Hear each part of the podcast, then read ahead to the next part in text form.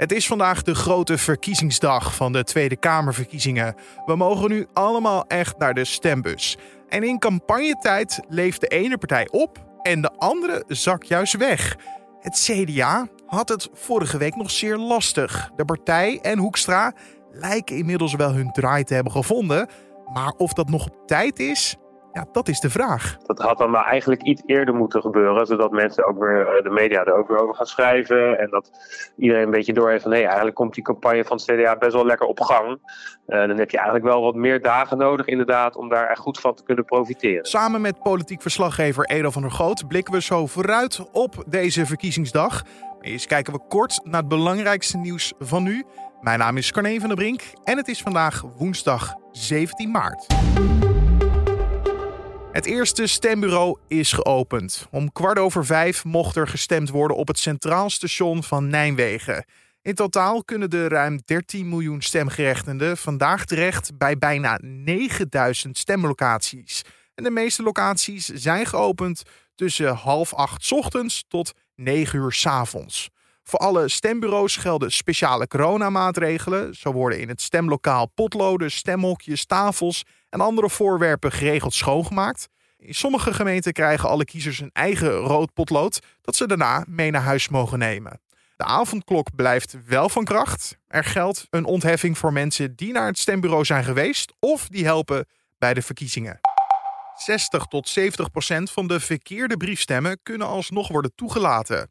Dat verwacht de Vereniging van Nederlandse Gemeenten. De schatting is gebaseerd op een eerste inventarisatie onder een aantal gemeenten. Meerdere gemeenten hadden maandag veel problemen met poststemmen. Zo ontvingen ze enveloppen met erin zowel een stempas als een stembiljet. Daardoor was zo'n 8,5% van de ingediende poststemmen ongeldig. Minister Ollongren heeft in overleg met de kiesraad en de Raad van State de procedure aangepast. Ook de envelop met het stembiljet mag worden geopend als wordt vermoed dat de stempas hierin zit. Oud-president Donald Trump maakt pas volgend jaar bekend of hij weer voor het presidentschap wil gaan. Trump zei tegen Fox News dat hij eerst de parlementsverkiezingen van 2022 wil afwachten voor hij een beslissing maakt over de verkiezingen van 2024. Well, based on every poll, they want me to run again, but we're going to take a look and we'll see. First steps first. We have to see what we can do with the House. I think we have a chance to do better in the Senate. Uh, we'll make our decision after that. I think we'll do very well in two years, and I think we're going to do very well in four years. In hetzelfde interview moedigde Trump ook Amerikanen aan om zich tegen het coronavirus te laten vaccineren. Die uitspraak was opvallend omdat veel Republikeinen en Trump-aanhangers volgens peilingen niet op een coronavaccin zitten te wachten. I would recommend it and I would recommend it to a lot of people that don't want to get it and a lot of those people voted for me frankly but it's a great vaccine, it's a safe vaccine and it's uh, something that works. Justitie in El Salvador gaat de zaak over de moord op vier Nederlandse journalisten na 39 jaar alsnog voor de rechter brengen. Dat schrijft de NOS. Vier Icon-journalisten waren in 1982 in El Salvador om een reportage te maken over de dodelijke burgeroorlog. Ze werden door militairen van het regeringsleger opgewacht en doodgeschoten toen ze probeerden het guerrilla-gebied van linkse strijders in te komen. Tot vijf jaar geleden was er een wet van kracht die vervolging van de betrokken militairen onmogelijk maakte. In 2016 werd echter die wet ongrondwettelijk verklaard en gelijk ook opgeheven. Sinds maandag kan er dus al gestemd worden, maar vandaag zal toch echt de grote massa ook naar het stemhokje verhuizen. Vorige week hadden we het al uitgebreid in deze podcast over de verkiezingen. Toen begonnen we het gesprek over de situatie waarin het CDA verkeerde. Inmiddels, een weekend en wat dagen later, zijn de Christen-Democraten wat bijgetrokken. Julien Dom blikt vooruit met politiek verslaggever Eda van der Groot. Ja, bijgetrokken. Je kunt inderdaad wel stellen dat de uh, CDA toch wel een beetje de partij is geweest deze campagne waar de, waar de klappen vielen, of waar de klappen vallen. Uh, Hoekstra moest duidelijk even wennen aan zijn uh, nieuwe rol als lijsttrekker. Als minister van Financiën is het natuurlijk relatief ja, veilig dat hij zich kan verschuilen achter zo'n ambt. ministers van Financiën zijn vaak populair. Uh, ongeacht welke partij ze zijn, wordt vaak hoog gewaardeerd uh, door de kiezers. Ja, en nu in zo'n uh, debat, in zo'n campagne, het geweld van de campagne, ja, komen er aanvallen van alle kanten. En daar had hij zichtbaar toch wat meer, meer moeite mee. het is wel zo dat hij, nadat hij een beetje in de knel kwam te zitten, of behoorlijk in de knel kwam te zitten, nadat hij een plan had aangekondigd om de WW te halveren, dus na een jaar in plaats van twee jaar, uh, is hij wel wat fermer van zich af gaan bijten. Bijvoorbeeld in het debat uh, met Liliane Ploemen, de PvdA-leider. Uh, je zag hem in andere optreden, zag hem een wat fellere toon aanslaan. En je zag toch wel dat daar intern is besproken van misschien moeten we toch een beetje meer van ons afslaan. In plaats van ja, de, de, de staatsman uithangen. Ik had toch het idee dat dat een beetje de tactiek was in het begin. Ja, komt zo'n verandering niet te laat, denk jij, voor de partij zelf? Ja, die laatste dagen in zo'n campagne is natuurlijk alles uh, staat, staat onder uh, spanning, onder hoogdruk zou je wel kunnen zeggen. Uh, een echte grote verandering, of dat echt iets uit gaat maken, moet natuurlijk blijken. Alleen het is natuurlijk heel moeilijk om echt één of twee dagen voor de, voor de verkiezingen natuurlijk nog een totale ommezwaai te maken. Dat je weer dat je het weer heel goed doet in de peiling en dat je een soort van ja, eigenlijk tractie weer krijgt. Hè? Dus dat je, dat je in een opwaartse uh, rit zit. Dat had dan maar eigenlijk iets eerder moeten gebeuren, zodat mensen ook weer, eh, de media er ook weer over gaan schrijven. En dat iedereen een beetje doorheeft van hé, eigenlijk komt die campagne van het CDA best wel lekker op gang. Uh, dan heb je eigenlijk wel wat meer dagen nodig, inderdaad, om daar echt goed van te kunnen profiteren. Maar Edo, wat is nou eigenlijk de belangrijkste conclusie die we kunnen trekken uit deze campagne? Nou, ik denk toch wel dat als je een beetje op afstand van de politiek staat, zoals uh, toch denk ik wel de meeste lezers van, uh, van nu.nl.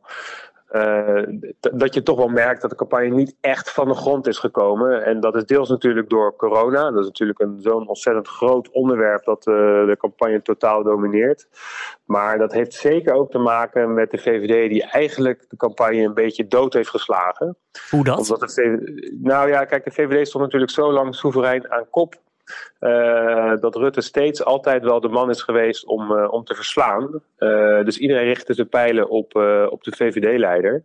Alleen de VVD dacht natuurlijk van ja, als wij nou stil blijven zitten en zo min mogelijk ingaan op de verwijten die we krijgen tijdens de campagne. Dat heb je ook echt wel gezien, want verwijten die waren er wel, maar de VVD reageerde simpelweg niet. En je, ja, je zet jezelf als het ware een beetje boven de partijen door te zeggen: jongens, we moeten dit samen doen. We zitten in een crisis en laat mij het naar me oplossen. Maar we moeten het samen oplossen, maar wel met mij aan het roer. Dat is toch een beetje de boodschap die VVD uiteindelijk heeft uh, geuit tijdens deze campagne. Ja, dan, dan sla je eigenlijk een debat waarin mensen echt een beetje van uh, ideeën kunnen. Echt een ideeënstrijd wordt het daarmee niet. Uh, hij heeft bijvoorbeeld het CDA of de PVV of, of, welke, of, of D66 of welke partij dan ook niet echt hard aangevallen op de ideeën. Uh, het is altijd een beetje geweest van we moeten dit samen doen, maar wel uh, met de VVD voorop. En je merkt daardoor toch wel dat, dat het debat niet echt van de grond is gekomen. Niet zoals we dat in andere jaren hebben gezien in ieder geval. Spektakel ontbrak daardoor een beetje. Ja, dat kun je wel zeggen. Het is wel geprobeerd natuurlijk. Het is niet zo dat helemaal niks is gebeurd in de campagne. De debatten bijvoorbeeld tussen Wilders en uh, Rutte, die waren natuurlijk af en toe wel. Daar vlogen de vonken soms ook wel vanaf. Dat kan ook niet anders als die twee uh, tegenover elkaar staan. Uh, want Rutte kan natuurlijk niet alles controleren, maar ze heeft er wel alles, hij heeft er wel alles aan gedaan. Uh, om zo gecontroleerd mogelijk naar die eindstreep te gaan. Ik, nou zat ik ook even te denken, als ik, jij noemde het net eventjes, uh, Hoekstra tegen Ploemen bij het debat. En wat mij vooral opviel, is dat ze eigenlijk steeds vragen aan elkaar stelden, maar ze gaven geen antwoord op elkaar. Is dat iets wat jou ook opvalt bij meerdere debatten? Ja, welkom in het uh, politieke debat in uh, campagnetijd, ja. Nee, dat is, uh, dat, dat, is, dat is nooit echt anders geweest natuurlijk. Hè? Dus je probeert, je weet van tevoren in die debatten, tv-debatten in het algemeen, mogen partijen vaak zelf stelling meenemen. Uh, dus die weten ze van tevoren, dus dan weten ze al wat de aanval gaat zijn. Dan weet je al hoe je daarop gaat antwoorden. En dan weet je ook al wat de andere partij daar weer op gaat zeggen. Dus dat kun je natuurlijk uh, tot in een seconde of in, de, tot op het woord nauwkeurig kun je dat al helemaal uitdokteren. En weet je precies wat je gaat zeggen. Het, het, gaat ook niet zozeer, maar goed, dat is mijn persoonlijke mening, om het, om het debat zelf. Maar het gaat meer om echt het zenden, zeg maar. En een, een spontaan debat over de inhoud, dat, ja, die zijn er gewoon niet, vind ik, op, uh, op tv. Dat, uh... Is dat een gemis? Ja, het is wel gemis. Dat was vier jaar geleden was dat wel veel meer dan, uh, dan deze keer. Er waren nu wel over het algemeen. Ik, ik vind dat dat de basis is van die tv-debatten. Dus dat je het, het debat, het inhoudelijke debat, een beetje mist. Er zijn dit jaar wel uitzonderingen geweest. Ehm, positieve uitzonderingen, wat mij betreft. En dat was bij, bij Pauw. Die heeft twee lijsttrekkers ongeveer een uur lang tegen elkaar laten staan. Uh, en dat was een paar van die debatten, die waren wel inhoudelijk en heel plezierig om, om naar te kijken. Daar stak je echt wat van op, dus als kijker ook echt.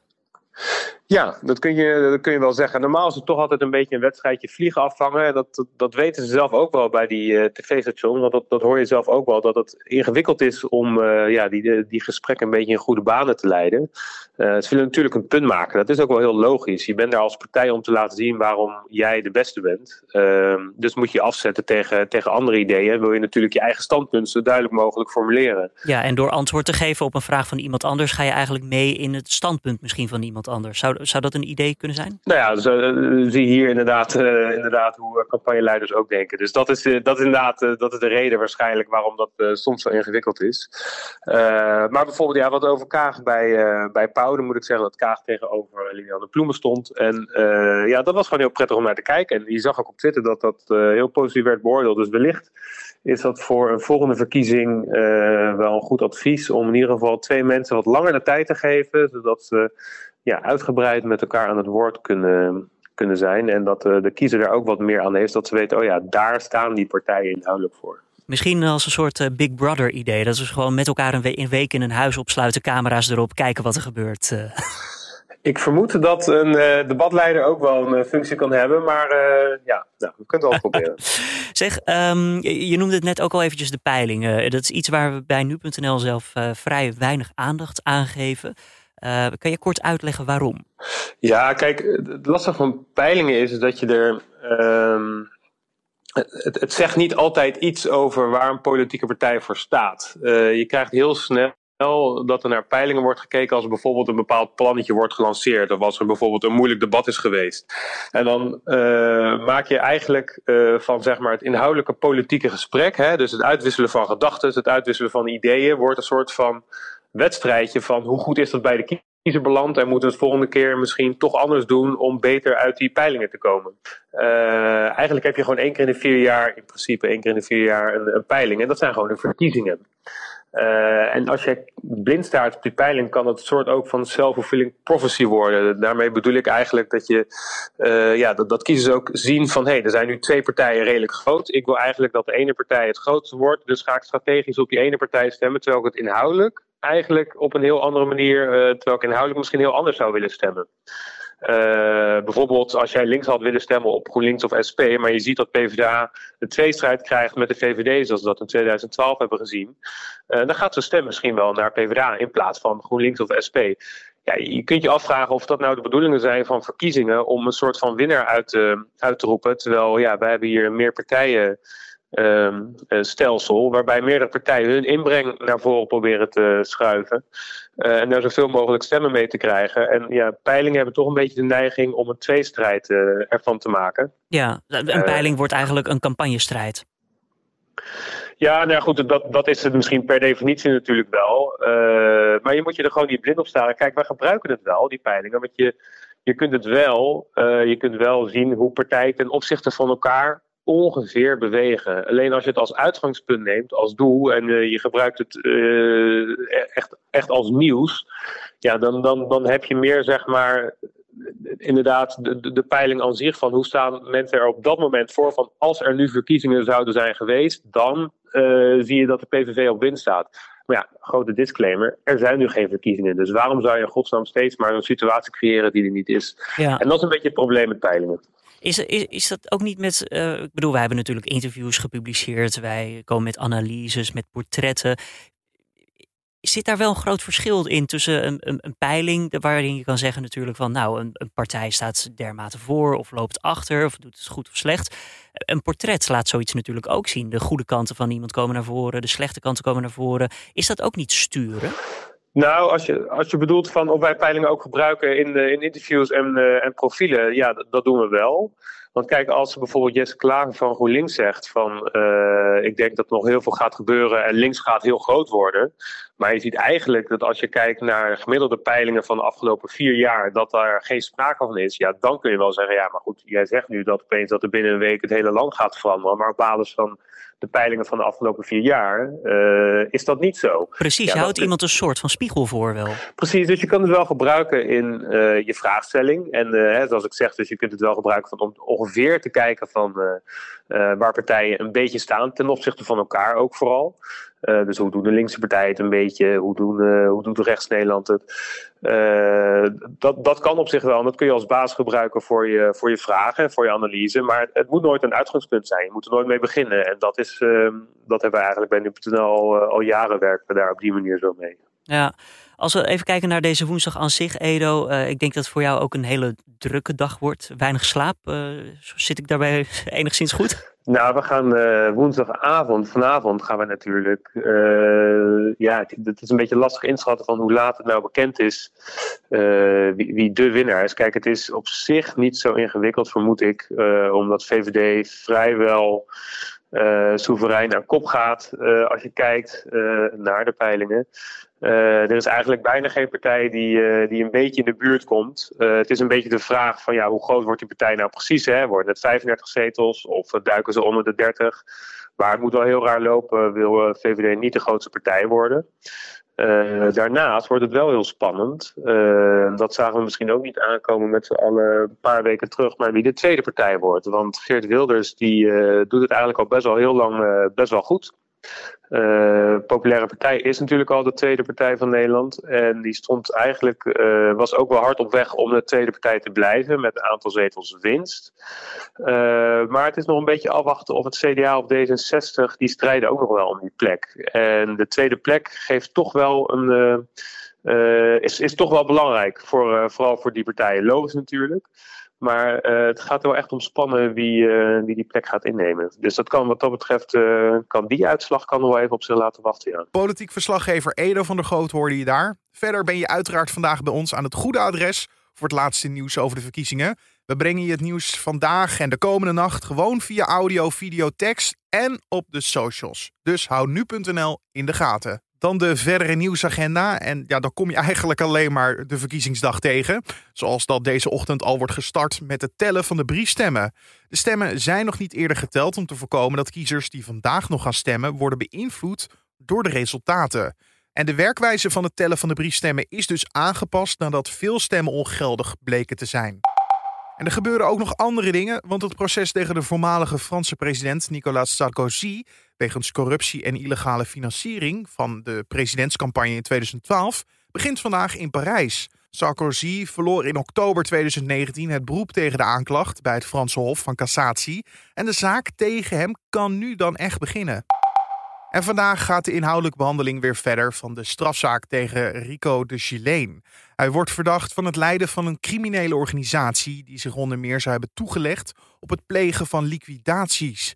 Volgens het Openbaar Ministerie heeft de verdachte een crimineel driemanschap gevormd met Ridwan T., de hoofdverdachte in het liquidatieproces Marengo, en de inmiddels tot levenslang veroordeelde Nauval F. alias Noffel. En wat moet je vandaag meenemen als je naar de stembus gaat? Een paraplu of een zonnebril?